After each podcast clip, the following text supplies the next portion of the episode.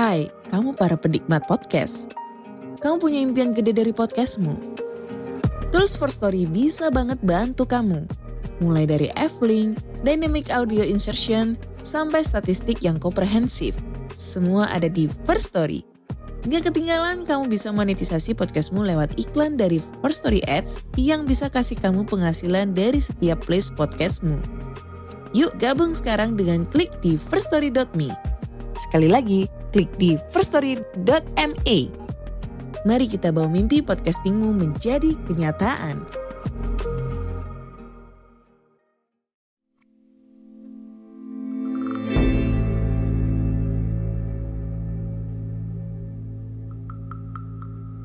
Assalamualaikum warahmatullahi wabarakatuh. Jumpa lagi di Nyeritain Horor Podcast. Seperti biasa, pada kesempatan kali ini aku akan menceritakan kisah horor yang sudah dikirimkan oleh teman-teman kita. Dan tentunya, setiap kisahnya akan membuat bulu kuduk merinding. Sebelum mulai cerita, aku mau ngucapin terima kasih buat teman-teman yang udah follow podcast ini dan setia mendengarkan setiap kisah dari Nyeritain Horor. Seperti apa kisahnya? Stay tune.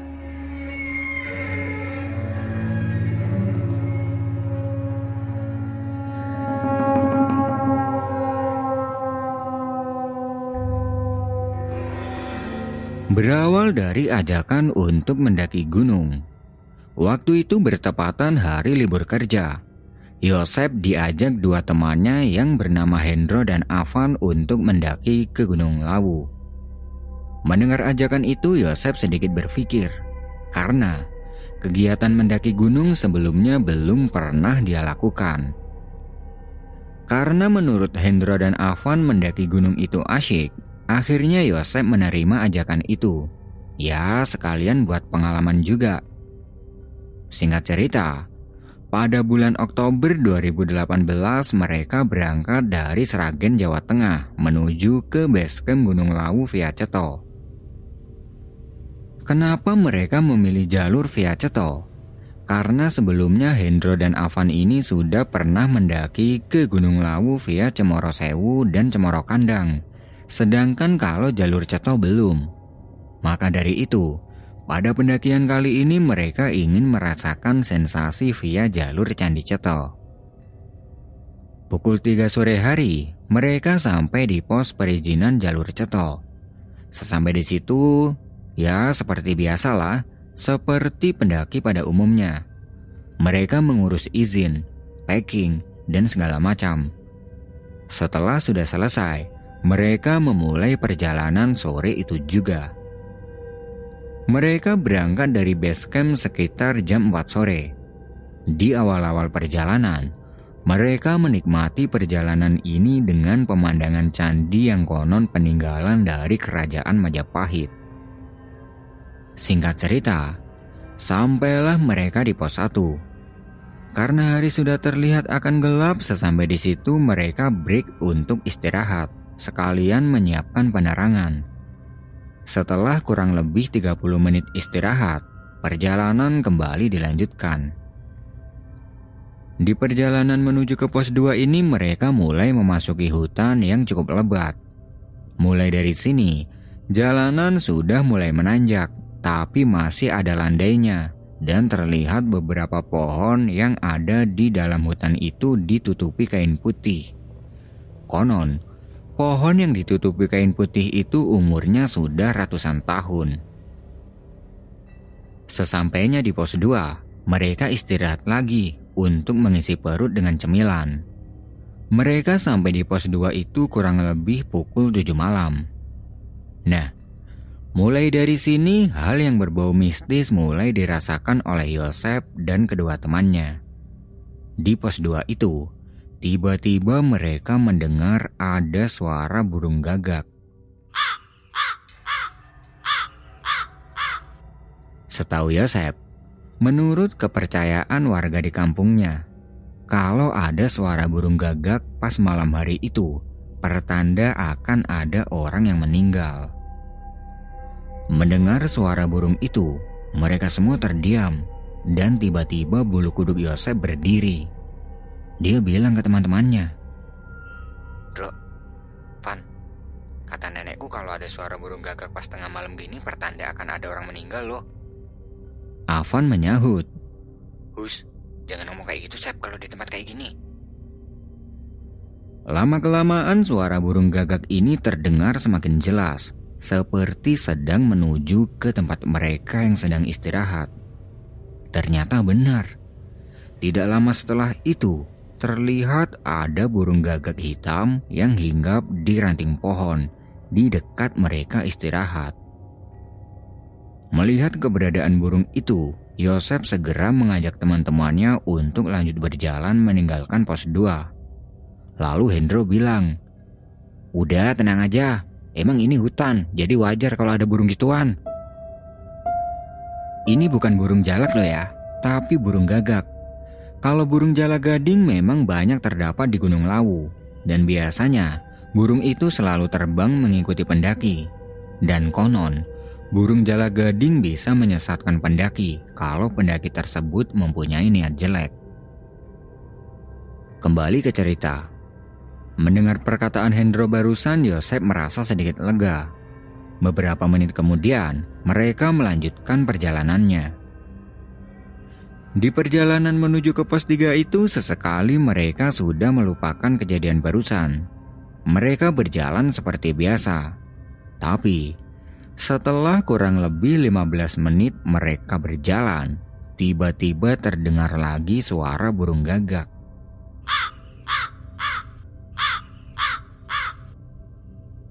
Mendengar itu, spontan mereka melihat ke atas untuk mencari keberadaan burung tersebut. Dan ternyata burung itu sedang terbang searah di atas mereka. Melihat keberadaan burung itu, spontan mereka berhenti dan membiarkan burung itu terbang menjauh. Ketika sedang berhenti itu, Yosef bilang, Bro, ini kayak burung yang ada di pos 2 tadi deh. Bisa jadi lain bro, di hutan kayak gini mah banyak hidup burung-burung kayak gini. Tapi aneh gak sih bro? Baru kali ini loh kita naik ke gunung diikutin burung gagak. Kalau burung jalak sih emang banyak. Kata siapa? Burung gagak juga banyak kok. Hendro bicara seperti itu karena dia tidak ingin mereka semua ini pada panik. Padahal, sebenarnya Hendro sendiri juga merasa panik waktu itu. Setelah burung itu sudah terbang jauh dari mereka, perjalanan kembali dilanjutkan. Sambil berjalan itu Yosef was-was. Karena setahu Yosef, selain mitos tentang adanya orang yang akan meninggal ketika mendengar suara burung gagak itu, mitos lain juga pernah dia dengar. Kalau burung gagak berbunyi pada malam hari, itu pertanda ada makhluk halus di sekitar sana. Yosef berpikir, apa jangan-jangan ada makhluk halus yang mengikuti perjalanan kami? Atau mungkin salah satu dari kita akan mati di sini. Ah, tapi enggak lah. Semoga saja itu burung memang sedang berkeliaran untuk cari makan. Singkat cerita, sampailah mereka di pos 3 sekitar jam setengah 10 malam. Sesampai di situ mereka istirahat lagi, dan di pos 3 itu mereka bertemu dengan pendaki lain yang berjumlah dua orang. Melihat keberadaan dua pendaki itu mereka sangat lega karena setidaknya mereka ada temannya. Mereka bergabung dengan dua pendaki itu dan menceritakan tentang burung gagak tadi. Tapi, dua pendaki itu malah menakut-nakuti mereka. Wah, hati-hati mas, ada setan tuh yang ngikutin. Hehe. Ucap salah satu pendaki itu sambil bercanda. Meskipun mereka mengucapkan dengan bercanda, tapi Yosef tidak bisa menganggap kalau itu adalah sebuah percandaan. Karena apa yang dikatakan pendaki tersebut sama dengan apa yang ada dalam pikirannya Yosef.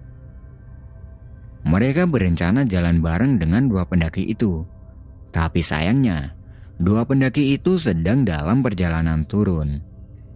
Akhirnya, mereka sepakat untuk bermalam di pos 3 dulu tapi belum ada lima menit setelah dua pendaki tadi itu turun, mereka mendengar suara burung gagak lagi yang seakan sedang terbang di atasnya.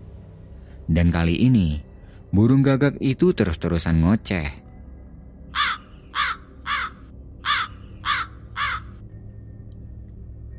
Karena takut dengan keadaan, mereka membatalkan niatnya untuk bermalam di pos tiga.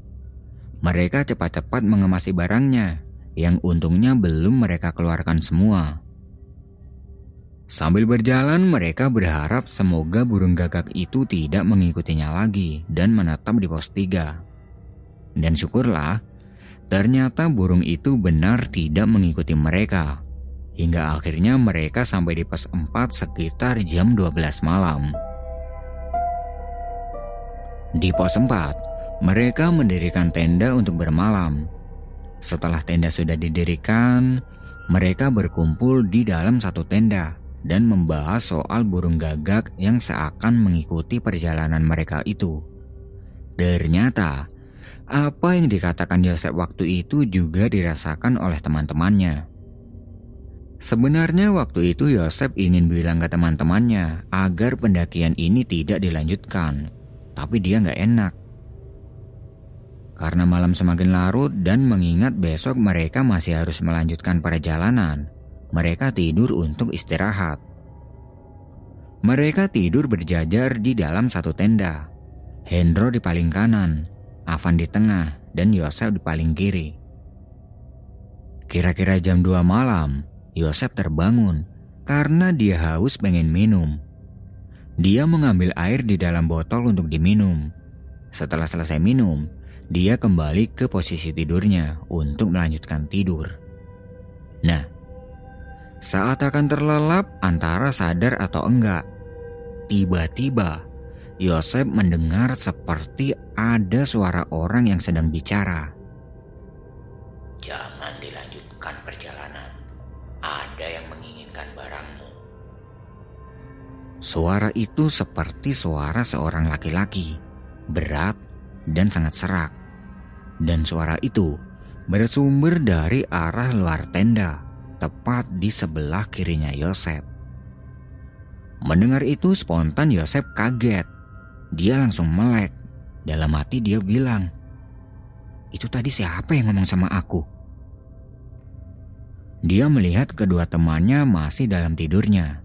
Kemudian Yosef melanjutkan tidurnya dan menganggap mungkin tadi itu hanya mimpi. Pagi pun tiba Pagi itu mereka semua bangun, dan setelah bangun, tiba-tiba Yosef ini kedinginan hebat. Dia merasakan sakit di seluruh bagian tubuhnya. Yosef berjemur di bawah sinar matahari agar badannya ini tidak kedinginan lagi. Dan syukurlah, setelah beberapa menit berjemur, Yosef merasa agak baikan.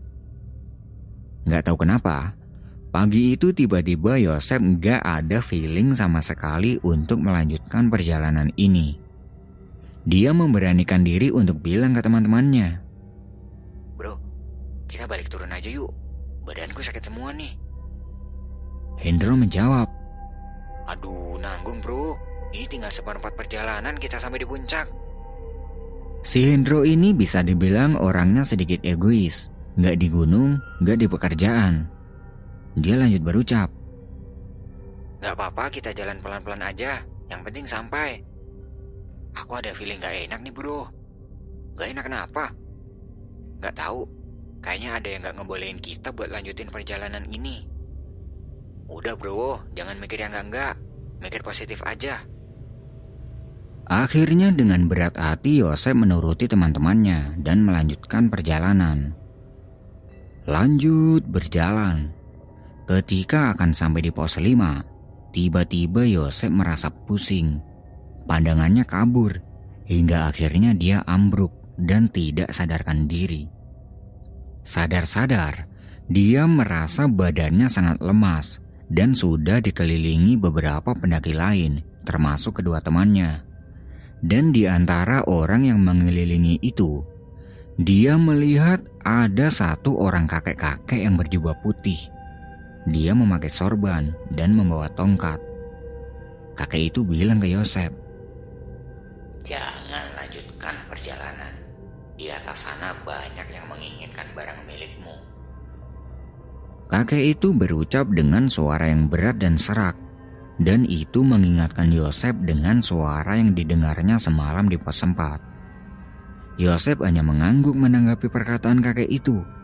Setelah mengucapkan itu, kakek itu terlihat pergi. Melihat Yosef yang sudah sadar, teman-temannya memberinya minum hangat dan sesekali bertanya pada Yosef, Bro, kamu kenapa? Capek? Tanya Avan. Yosef tidak menjawabnya karena sekujur tubuhnya ini terasa lemas. Sampai-sampai dia tidak mampu untuk bicara sesuatu. Teman-temannya Yosef menganggap kalau Yosef ini sedang kecapean, makanya dia sampai pingsan.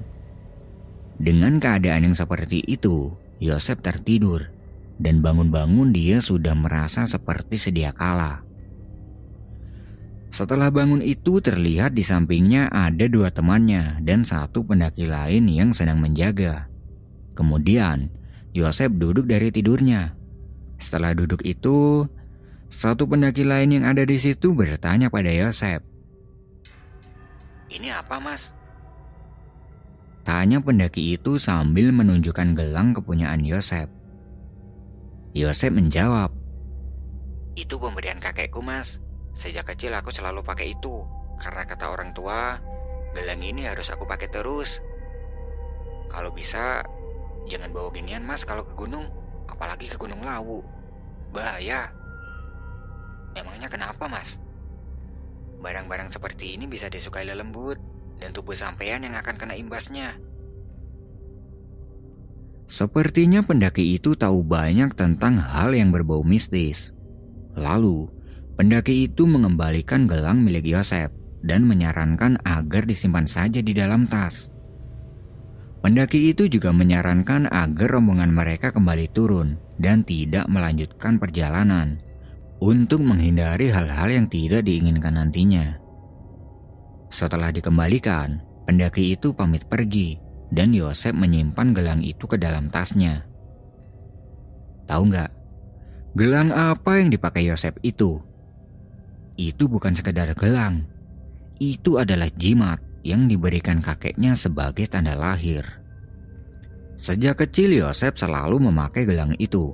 Dan seiring bertambahnya usia, gelang itu selalu diperbarui ukurannya agar tetap muat di tangannya Yosef. Di sini Yosef tahu satu hal.